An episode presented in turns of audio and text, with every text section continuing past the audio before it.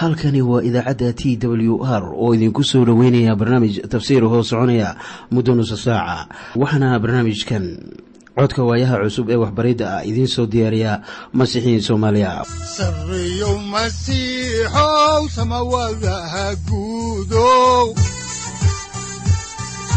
Siraadkii adduunkow subanaha eebow sareyow masiixow samawadaha guudow siraadkii adduunkow subanaha eebow adigoo samada jiro ifkan soo saldhiganba adigoo samada jiro ifkan soo saldhiganba kutubtiisanaye udanogu saaciiday sharxin sifahaaga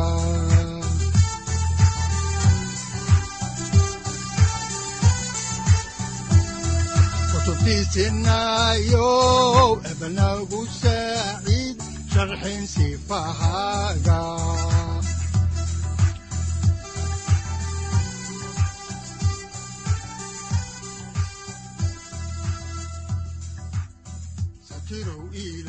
ku soo dhowaada dhegaystayaal barnaamijkeenna dhammaantiinba. Waxaannu horay u sii ambaqaadi doonnaa daraasaadkii la magac baxay baibalka dhammaantii waxaannu idiin sii wadi doonnaa kitaabkii yeshuuca oo ka mid a axdigii hore.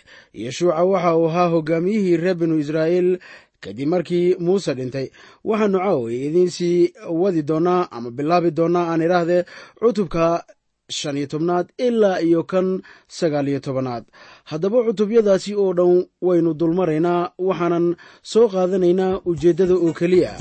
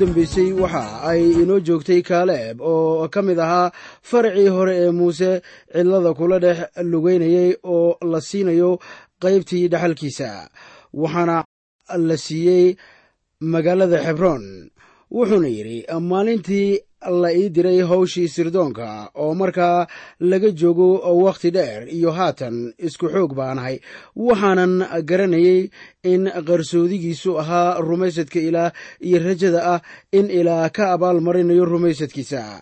Iminka waxaynu soo gaarnay cutubka shan iyo tobanaad. Waxaanan dulmaraynaa cutubyada lix iyo toban toddoba-iyo toban siddeed iyo toban iyo kan sagaal tobanaad. Mawduuca cutubkani ka kooban yahay waa mid waana dhulkii oo la qaybinayo ama loo qaybinayo qabiilada reer binu israa'iil. Qaybtan waxaa ku jira ama looga hadlayaa qabiiladii degay daanta galbeed ee webiga urdun. Cutubka shan iyo tobanaad waxa uu ku saabsan yahay sidii dhulka loo siiyey reer yuhuuda cutubka lix iyo tobanaadina waxa uu ku saabsan yahay dhulqaybsigii reer efraayim. Cutubka toddobiyo tobanaadina waxa uu ka hadlayaa dhulkii ay heleen reer manaasa. Cutubka siddeed iyo tobnaad iyo kan sagaal iyo tobanaadina waxaa looga hadlayaa qaybtii ay heleen reer simecoon reer sebuluun reer ciisakaar reer asheer reer naftaali iyo reer dan maadaama qaybtan ay muhiim u tahay reer binu israa'iil ayaa ay u muuqanaysaa inaanay innaga micno inoo lahayn. Waxaan markaa qaadaadhigaynaa oo keliya qodobada muhiimka waxaanan ku bilaabaynaa maaddada ku saabsan qaybtii ay heleen reer yuhuuda. Marka cutubkan afar iyo tobnaad waxaannu ku arkaynaa kaaleeb oo xubin ka ahaa reer yuhuuda iyo sidii ilaah u siiyey isaga magaaladii xebroon cutubka shan iyo tobnaad ayaannu wax badan ka baranaynaa kaaleeb oo ahaa nin qadarin weyn lahaa. Waxaan kaloo cutubkan ku arkaynaa ama ku qoran xuduudadda reer yuhuuda ama sohdimahooda haddaan markii ugu horreysay idiin akhrino cutubka shan iyo tobnaad baalka laba boqol koob iyo sagaashan ee axdigii hore ayaan ku bilaabaynaa aayadaha saddex iyo toban ilaa afar iyo toban waxaana qoran sida tan. Oo waxa uu kaaleeb ina yefune qayb ka siiyey reer yahuudaha dhexdooda sidii rabbigu yeshuuca ugu amray. Oo qaybkaas wuxuu ahaa qaryad arbac kaasoo ahaa caanaaq aabbihiis taasuna waxa weeye xebroon oo kaaleebna halkaas waxa uu ka eriyey saddexdii wiil oo canaaq kuwaasoo ahaa shiishey iyo aximaan iyo talmay oo ahaa ilmo canaaq soo arki maysid. Dhulkii kaaleeb doonayey waxaa degganaa raggii waaweynaa oo waxa uu diyaar u ahaa in uu la dagaalamo ragga xoogga badnaa. Isla sidii uu cadowga ula dagaalami jiray wakhtigii uu dhallinta yaraa haddaan horay idinku sii wadno xigashada kitaabka ayaannu eegaynaa kitaabkii yeshuuca cutubka shan iyo tobnaad aayadaha shan iyo toban ilaa sagaal iyo toban waxaana qoran sida tan. Oo halkaasuu ka tegey oo la diriiray dadkii debir degganaa oo waagii hore debir magaceeda waxaa la oran jiray qiryad sefer oo kaaleeb waxa uu yidhi kii qiryad sefer intuu wax ku dhufto qabsada waxaan u guurin doonaa gabadhayda cagsa ah. Markaasaa magaaladii waxaa qabsaday cotni'eel oo ahaa inaqenes kii kaaleeb walaal u ahaa markaasuu cagsa ah u guuriyey. Oo markii asagii u timi waxa ay ku dedejisay in uu aabbaheed beer weydiisto. Oo markay dameerkeedii ka soo degtay ayaa kaaleeb ku yidhi maxaad doonaysaa? Kolkaasay ku tidhi hadiyad isii waayo waxaad isiisay dalka koonfureed. Weliba isii ilobiya ah. Markaasuu siiyey ilihii sare iyo ilihii hoose haddaba dhulkii la siiyey reer yuhuuda waxaa laynoogu sheegayaa bilowga cutubkan. Dabeetana caasimadihii ay qaybta u heleen baa la sheegay. Haddii aad dhulka israa'iil joogto ayaadan arkaynin badankood. Waayo waxa ay badidoodu ku yaallaan nawaaxiga negef iminka aynu u soo jeesanno maaddada ah qaybtii la siiyey reer efraayim. Yuusuf waxa uu ka mid ahaa laba iyo tobankii wiil ee yacquub labadiisii wiil ee efraayim iyo manaasah ayaa iyana mid weliba uu qayb ka ahaa laba iyo tobankii qabiil ee reer binu israa'iil. Waxaa taa ugu wacnaa iyadoo qabiilka reer laawi ay ahaayeen kuwo ilaah u dooray hawshiisa oo aan dhul dhaxal ah helaynin. Welibana iminka waxa ay noqonayaan laba iyo toban qabiil. Maxaa wacay? Reer laawi kuma jiraan. Haddaan horay idinku sii wadno xigashada kitaabka ayaannu eegaynaa iminka. Kitaabka yeshuuca cutubka lix iyo tobnaad aayadaha hal ilaa afar waxaana qoran sida tan.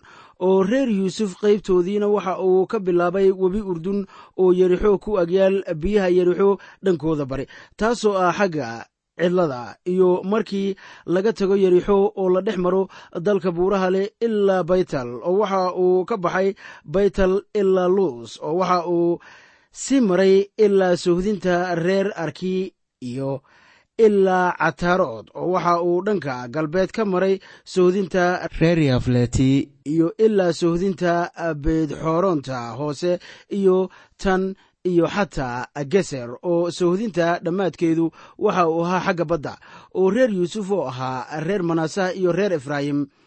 Dhaxalkoodii way qaateen iminkana waxaannu eegaynaa reer manaasaha qaybtoodii. Sidaa aynu xusuusannahay qabiilka reer manaasaha barkood ayaa waxa ay degeen daanta bari ee webiga urdun laakiin qaybtii kale waxa ay ka gudubtay webiga oo waxaa iminka la siinayaa qaybtooda. Waxaa si weyn loogu xusay cutubka toddobiyo tobanaad qaybtii ay heleen ilmo yuusuf khaasatan reer efraayim. Haddaan halkaa ka eegno xigashada kitaabka ayaa waxaa ku qoran kitaabka yeshuuca cutubka toddobiyo tobnaad aayadda afar iyo tobanaad sida oo reer yuusuf yeshuuca bay la hadleen oo ku yidhaahdeen maxaad qayb keliya dhaxal noogu siisay? Maxaa yeelay annagu waxaannu nahay dad badan oo rabbigu waana barakadeeyey ilaa haatan. Reer efraayim dacwo bay leeyihiin waayo lama siinin dhul weyn. Bilxaqiiqa reer efraayim waxaa la siiyey kalabadh dhulkii ay heleen reer manaasa haddaba reer efraayim way badnaayeen oo yeshuuca ayaaba ka tirsanaa reer efraayim oo reer efraayim waxa ay islahaayeen. Yeshuuca wuu idin caawin doonaa laakiin wax dheeri ah ma siinin. Dhulkii ay qaybta u heleen waxa uu ahaa dhulka buuraha leh markaana kuma ayan qancin qaybtii ay heleen. Haddaan horay idinku sii wadno ayaa waxaa ku qoran aayadda shan iyo tobanaad sida tan. Markaasaa yeshuuca waxa uu iyagii ku yidhi haddaad dad badan tihiin haddaba kaca oo duuda taga oo waxaad soo goosataan dalka reer feris iyo kan reer rafa maxaa yeelay dalka buuraha leh oo reer efraayim waa idinku cidhiiri haddaba qofkii booqda dalka waxa uu arkayaa in buurahaasu ay haatan lamadegaan oo kale yihiin. Geeda ma leh habase yeeshee iminka ayaa geeda lagu abuurayaa habase yeeshee wakhtigii masiixa ayaa waxaa halkaa oo dhan ku haraysnaa geedo badan. Haddii dhulka uu geedo badnaan lahaa sida wakhtigii yeshuuca waxaaban isodhan lahaa kuwii raadinayey masiixa ee yimi beertii getsamaane way ku adkaan lahayd inay helaan inkastoo yuudaasna uusan nasteen haddaba sidii yeshuuca ugu jawaabay reer tolkii ayaa waxaa ka muuqda maamuus iyo sharaf. Haddaan horay idinku sii wadno xigashada kitaabka ayaannu eegaynaa cutubka toddobiyo tobnaad aayadaha toddobiyo toban ilaa siddeed iyo toban waxaana qoran sida tan. Markaasaa yeshuuca waxa uu la hadlay reer yuusuf kuwaasoo ahaa reer efraayim iyo reer manaasa oo waxa uu ku yidhi idinku waxaad tihiin dad badan oo waxaad leedihiin xoog badan. Haddaba qayb keliya heli maysaan laakiinse dalka buuraha leh idinkaa yeelan doonaa waayo inkastoo uu duud yahay waa jari doontaan oo meelaha laga baxana idinkaa yeelan doonaa maxaa yeelay waxaad eri doontaan reer kancaan inkastay leeyihiin gaari fardoodyo bir ah oo xoog badan yihiin. Yeshuuca ayaa waxa uu leeyahay haddii aydnaan ku qancin waxa aad haysataan xagga kore ee buuraha aada. Laakiin xusuusta kuwa xoogga badan baa dhulka jooga waa in aad howl badan qabataan oo dagaashaan. Marka qiimi bay idinku fadhiisanaysaa buu ku yidhi waxaana la doonayo waxa weeye inaan la gunuusin laakiin wax la hantiyo. Haddaba in la lahado barakooyinka ruuxa ayaa inaga dalbanaysa inaan la nimaadno hawl iyo dadaal dheeraada iminkana waxaannu soo gaarnay maaddada khusaysa taambuuggii oo la dhigay shiilo waxaannu iminka soo koobaynaa cutubka siddeed iyo tobnaad waxaanan eegaynaa aayadda koowaad oo ka bilaabanaysa baalka laba boqol sagaashan iyo afar ee axdigii hore. Waxaana qoran sida tan oo shirkii reer binu israa'iil oo dhammu shiiloh bay dhammaantood isugu soo urureen oo waxa ay halkaa ka dhisteen teendhadii shirka oo dadkii waddankana waa laga adkaaday.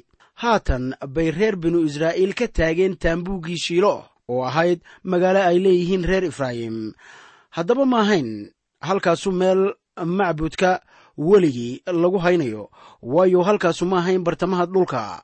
Ilaa waxa uu dooran doonaa meel la dhigi doono macbudka oo uu weligiina ooli doono waxaana taa samayn doona daa'uud waxaana ay halkaasi noqonaysaa yeruusaalem haddaba ilaa meesha ilaah lagu caabudayo ay isbeddesho taambuuggu waxa uu ka taagnaanayaa shiilo ilaa iyo wakhtiga xaakinnada oo dhan iminkase aynu eegno sidii loo qaybiyey dhulka intiisa haray.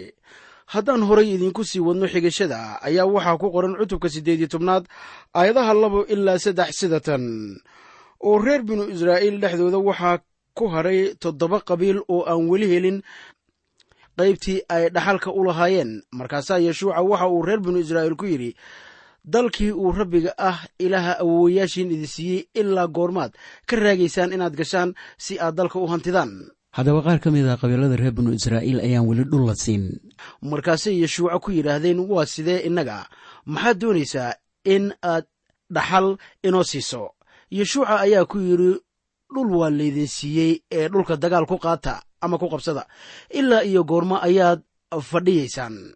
Waxaa taa la mid ah in innaga xitaa laynagu leeyahay ordahaya oo hantiya barakooyinka ruuxa laakiin haddaan u gunuusno waxba heli mayno ilaah wuu inoo wanaagsanaaday innaga waayo waxaynu ku badbaadnay nimcadiisa jacaylkiisa wanaaggiisa iyo naxariistiisa.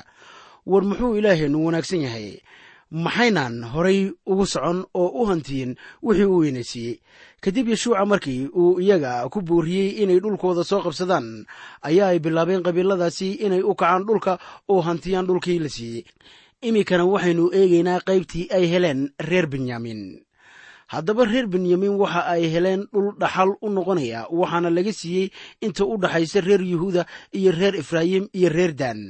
Waxaan kaloo eegaynaa iminkana qaybtii ay heleen reer simecoon si bal aynu arrinka wax kaga ogaanno ayaynu eegaynaa kitaabka yeshuuca cutubka sagaal iyo tobnaad aayaddiisa sagaalaad ee kitaabka axdigii hore baalka laba boqol sagaashan iyo lix waxaana qoran sida tan oo qaybtii reer yuhuuda waxaa ku jiray dhaxalkii reer simecoon maxaa yeelay reer yuhuuda qaybkoodu waa ku badnaa. Sidaa daraaddeed reer simecoon waxa ay dhaxal ka heleen dhaxalkii reer yuhuuda dhexdiisa sidaan ku arkayno cutubka shan iyo tobnaad qabiilka yuhuuda waxaa la siiyey fiiro gaar ahaaneed.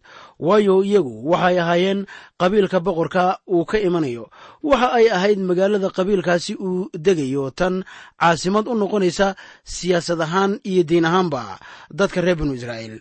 Magaaladaasi waxa ay noqonaysaa yeruusaalem waxaana yeruusaalem caasimad ka dhigay daa'uud oo ahaa boqorkii labaad ee reer binu israa'iil. Maadaama reer yuhuuda ay heleen in ka badan wixii ku filnaa dhulkii la qaybiyey ayaa ay qaybaha koonfureed siiyeen reer simecoon iminkana waxaynu eegaynaa qaybtii ay heleen. Sabaluun isakaar aasheer naftaali iyo reer dan. Qabiilka reer naftaali waxaa la siiyey dhulka.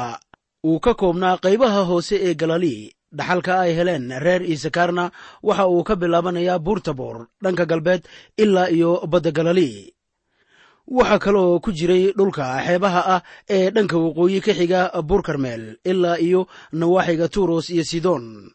Qabiilka reer naftaali waxa ay degeen nawaaxiga kore iyo dhanka hoose ee galilii dhulka reer dan la siiyey ayaa waxa uu ku yaalaa inta u dhexaysa dhulkii reer benyamin inta ka dhex leh badda mediteraneanka wakhti dambe ayaa ay reer dan waxa ay soo degeen qaybaha waqooyi ee dhulka reer naftaali qaybtan ayaa waxa ay muujinaysaa sida ilaah u danayn jiray reer binu israa'iil iyo dhulka ay deggan yihiin.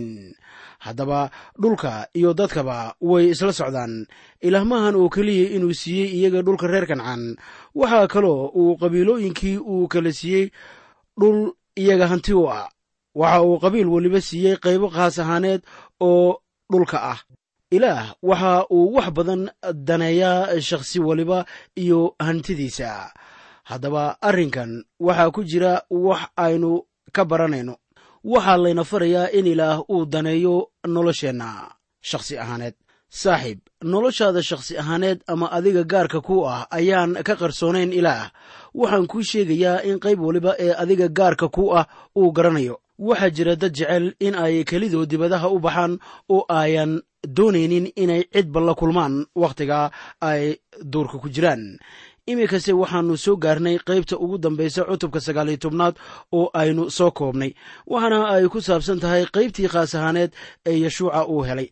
Haddaba si aynu wax uga ogaanno xaalkaas ayaannu eegaynaa kitaabka yeshuuca cutubka sagaal iyo tobanaad aayadaha sagaal iyo afartan ilaa koob iyo konton waxaana qoran sida tan sidaasay ku dhammeeyeen qaybintii dhulka ay dhaxalka u qaybsanayeen siday soodimihiisu ahaayeen oo reer binu israa'iil dhaxal bay yeshuuca inanuun dhexdooda ka siiyeen oo sidii rabbigu ku amray waxay isagii siiyeen magaaladii uu weydiistay taasoo ahayd timnad serah. oo ku tiilay dalka buuraha leh ee reer efraayim markaasuu magaaladii dhistay oo dhex degay. Kuwanu waa qaybihii dhaxalka ahaa ee wadaadkii elecasaar ahaa iyo yeshuuca inanuun iyo madaxdii reer binu israa'iil qabiilooyinkoodii ay saamiga ugu qaybiyeen rabbiga hortiisa iyaga oo jooga shilo oo fadhiya teendhadii shirka iriddeeda wayna dhammeeyeen qaybintii dhulka waxa ay kula noqonaysaa in yeshuuca ahaa nin ilaah oo welibana ahaa kii reer binu israa'iil ku hogaaminayey inay qaybsadaan dhulkii reer kancaan oo weliba guula ka soo hooyey. Markaana ay reer binu israa'iil odhan lahaayeen waxaad qaadan karaysaan dhul kasta ee aad doonaysaan inaad adiga iyo reerahaaguba degtaan. Laakiin reer binu israa'iil sidaas ma ayan odhan laakiin yeshuuca ayaa dhulkii uu degi lahaa doortay. Wuxuuna doortay halka loo yaqaano timnatserah waxa ay halkaasu u jirtay ilaa iyo kow iyo toban mayl nawaaxiga shiilo. Dhulkaas waxa uu ahaa dhulkii ugu xumaa ee nin yeshuuca oo kale ah la siiyo. Waxa ay markaasi ay xusuusinaysaa qisadan tii dhex martay ibraahim iyo luut markii ay labaduba ka soo noqdeen dhulkii masar. Ibraahim waxa uu ku yidhi luut waxaad qaadataa qayb waliba ee aad doonayso aniguna waxaan qaadanayaa wixii ii haray. Luut waxa uu doortay dhulkii ugu wanaagsanaa ibraahimna waxa u haray dhul aan hagaagsanayn dhacdadan waxa ay ina tusaysaa dabiicadda ay lahaayeen labada nin ee kale ahaa ibraahim iyo yeshuuca. Yeshuuca waxa uu doortay dhul la mida lama degaan taasuna waxa ay muujinaysaa dabiicaddiisa. Waxay kaloo muujinaysaa wax ku saabsan reer binu israa'iil oo iyagu doonayay ninkan ilaah ka cabsada ee yeshuuca la yidhaahdo uu doorto dhul aan hagaagsanayn waxaa lala simi karaa ururada masiixiyiinta ah qaarkood oo xaqla'aan dira kuwa ka hoos shaqeeya. Waxaaban garanayaa ururo doora oo aan dan iyo muraad ka lahayn masiixiyiinta mustaqbalkooda. Waxase ilaah mahaddii ah in ay jiraan ururo badan oo masiixiya oo daryeela kuwa ka hoos shaqeeya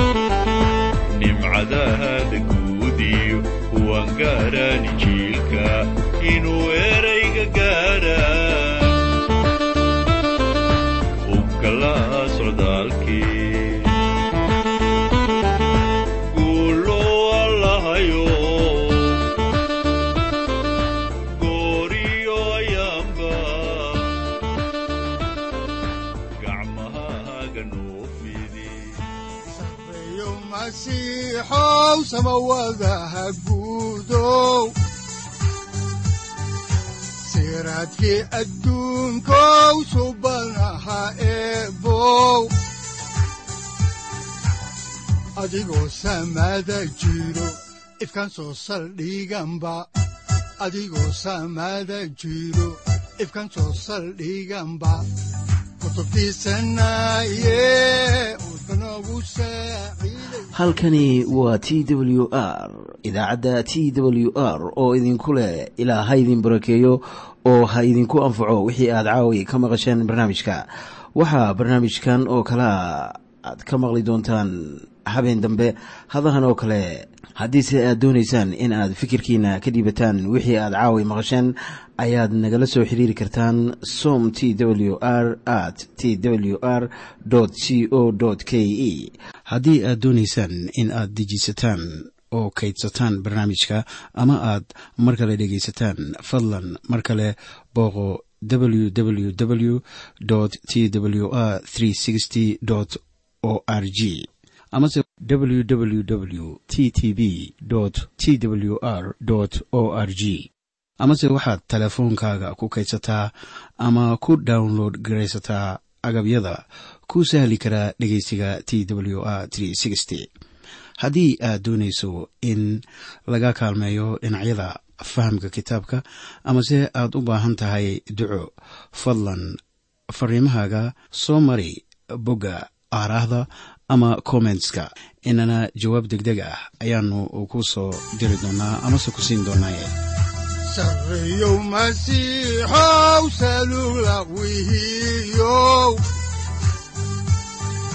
saacadda timid dhulka sabada ku dhalatiyo